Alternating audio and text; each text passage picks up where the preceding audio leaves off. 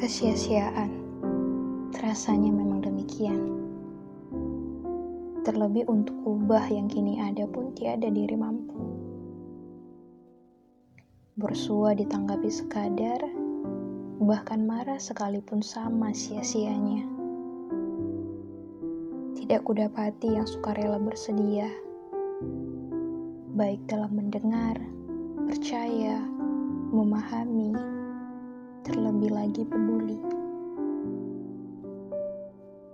Mampu diri ini hanya berdiam, mengamat-amati pola, dan lantas kemudian menunggu yang selanjutnya terjadi. Kira-kira sedalam apa lagi rasa sakit yang sedang di perjalanannya hendak temui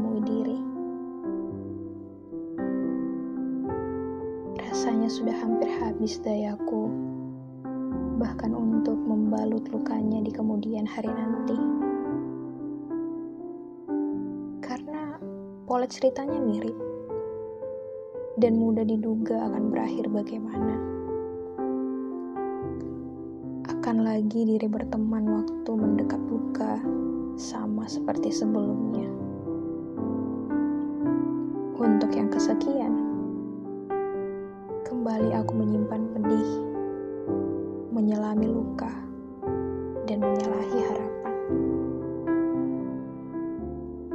Dan memanglah layak diri ini disebut naif, atau bahkan sungguhan bodoh. Karena begitu mudahnya dikelabui semu yang syarat tipu daya.